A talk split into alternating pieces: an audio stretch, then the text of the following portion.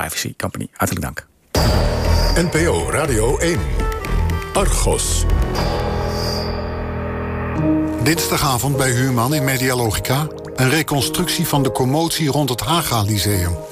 Het werd door politici een haatschool genoemd. Waar kwam dit verzet tegen de islamitische school vandaan? En welke rol speelt de journalistiek?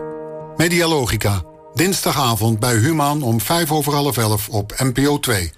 Ja, dinsdagavond dus weer een aflevering van Medialogica. Dit keer over het islamitische Cornelius Haga Lyceum... en de commotie die daar vorig jaar maart ontstond... toen burgemeester Femke Halsema in een brief aan de Amsterdamse gemeenteraad schreef... dat er op de middelbare school salafistische aanjagers actief waren... waardoor er een antidemocratisch pedagogisch klimaat zou heersen. Een heftige rel was geboren. Hier in de studio Rut Nederveen van Medialogica. Goedemiddag, Rut. Hallo Erik. Ja, je hebt research gedaan voor deze uitzending van Medialogica. Vertel eerst eens even, wat wilden jullie precies uitzoeken? Um, nou, dat, dat was al de eerste moeilijke vraag. Omdat het een ongelooflijk groot dossier is. Ja. Heel ingewikkeld. Met, uh, ik geloof, zeven, acht ministeries die betrokken zijn. Um, ik ben begonnen met een tijdlijn en uh, daar kwam geen eind aan. En toen dachten we, ja, dit is medialogica. Wij richten ons op de publieke opinie, op de beeldvorming. Wat gaan we eruit halen? Mm -hmm. En eigenlijk bij onderzoek ga je terug naar de bron. En in dit geval uh, dachten we van ja, de, het is het ambtsbericht wat aan partijen is gestuurd... die voor heel veel uh, media-reuring uh, heeft gezorgd. Het ambts, ambtsbericht van de, van de AIVD, AIVD van de ja. inlichtingendienst, ja. ja. ja. En uh, de, dus, dus daar zijn we naar gaan kijken. Van wat staat er eigenlijk in dat ambtsbericht? Uh, wanneer is het openbaar geworden? En toen zagen we dat vooral uh, de mediastorm rond 7 maart 2019 explodeerde. Omdat mm -hmm. het, dat het moment was dat de, de NCTV, de Nationaal Coördinator Terrorisme en Veiligheid... via een brief aan de, aan de burgemeester van Amsterdam...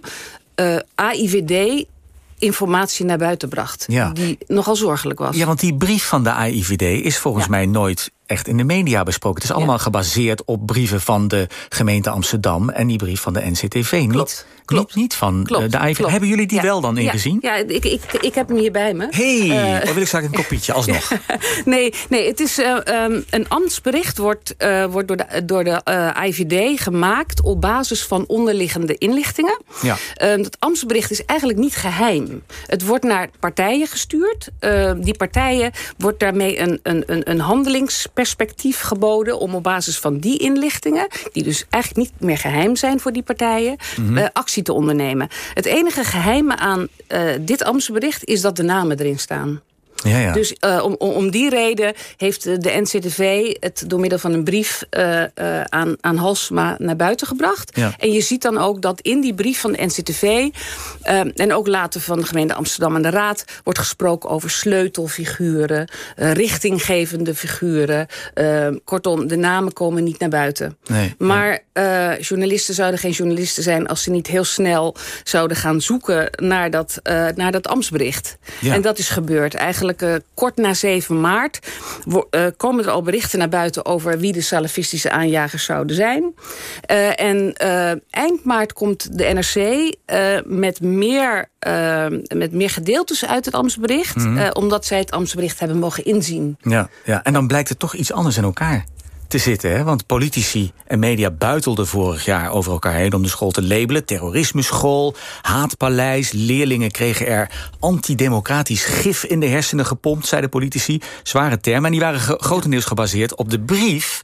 die de burgemeester, ja. Halsema, ja. aan de gemeenteraad uh, stuurde. Wat was het belangrijkste verschil tussen die brief...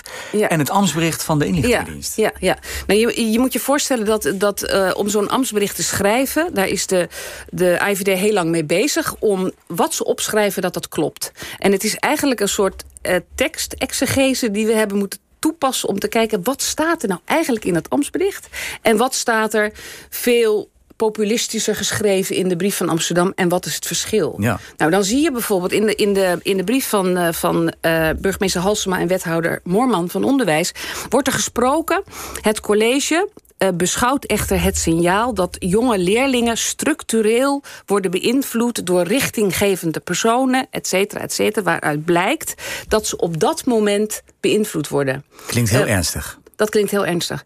Maar dat is niet wat, wat in het AIVD Amtsbericht staat. En het AIVD Amtsbericht is, uh, uh, is gebaseerd op een dreiging in de toekomst. Maar wie had dat er dan van gemaakt in die brief? Um, is dat de, de wethouder? Uh, nou, het, het, is een, het is een brief van het college, van burgemeester ja. en wethouder. geschreven door Halsema en Moorman. En zit die wethouder in jullie uitzending? Dat is een hele goede vraag. Dank je. Um, uh, ik, we belden met de woordvoerder. En uh, die zei eigenlijk gelijk van achtergrondgesprek prima. En dan kijken we op basis daarvan of we een interview kunnen geven.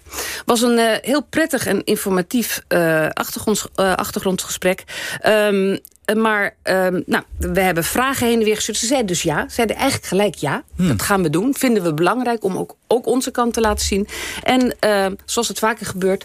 vlak voor het geplande interview... Uh, kregen we een mail van de, van de woordvoerder... die zei, we gaan het niet doen. Zonder reden? Uh, nou nee, de, de, de, zij gaven aan als reden dat het te maken had met, met, uh, met de band met de school. Um, maar wij hebben uitgebreid gesproken hierover. Ja. Um, uh, vlak voor de opname uh, werd hij dus uh, gecanceld. Um, en ja, dat is natuurlijk voor, voor de uitzending is dat vervelend. Ja. Maar ook voor, voor uh, het onderwerp. We hebben ook gezegd van, weet je, wij moeten ons nu helemaal op jullie uh, uh, gemeenteraad gaan richten. Die ja. dus informatie nu moet gaan geven. Is dat wel wat jullie willen? Ja, nou, ja. Er werd gezegd, ja, dat, dat gaan we zo doen. Nog, nog even kort tot slot. Vorig jaar was het Haga Lyceum dus vooral in gevecht met de buitenwereld. Deze week werd bekend dat de directeur, Sona Atassoy, de laan uit werd gestuurd. Door de voorzitter van het schoolbestuur. Maar ja, Attersoy die weigert dat omdat hij zegt... ja, maar de voorzitter die had ik zelf al weggestuurd. Kortom, ze vechten elkaar daar de, de, de tent uit. Ja. Heeft dat te maken op een of andere manier met wat jullie hebben uitgezocht? Um, nou, ik denk, nee. ik, ik, ik, denk dat je alles uh, kan zien in dit soort grote dossiers... dat het bouwstenen zijn. Maar wij hebben ons niet gericht op, uh, op, op dat stuk... Uh, wat er intern aan de hand was. We hebben vooral gekeken naar wat heeft de, de, het ambtsbericht... voor reuring gezorgd en hoe is dat vertaald, vertaald als dat fluisterspelletje... waarvan één woord uiteindelijk een heel ander woord ja. wordt. Daar hebben we ons op gefocust. Hartelijk dank voor je uitleg. Journalist Rut Nederveen van Medialogica... en het hele verhaal over over het Haga Lyceum is aanstaande dinsdag te zien bij de Human om vijf over half elf op NPO 2. Wij zijn er volgende week weer, zo dadelijk goed ingelichte kring met Shaja Mourali en wij spitten verder. Ik wens u een goed weekend.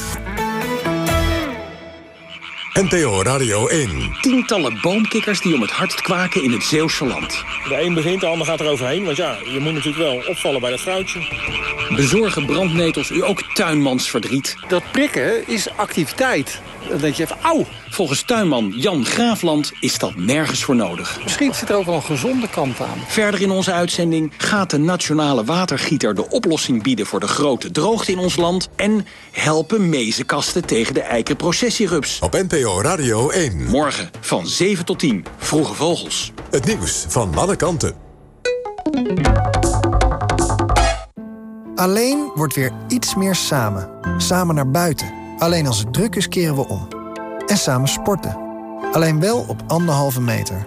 We werken ook zoveel mogelijk thuis. En alleen als het echt noodzakelijk is, nemen we het openbaar vervoer. En met klachten blijf je natuurlijk thuis. Want alleen als we onszelf en elkaar goed beschermen, gaan er steeds meer deuren open. Alleen samen krijgen we corona onder controle.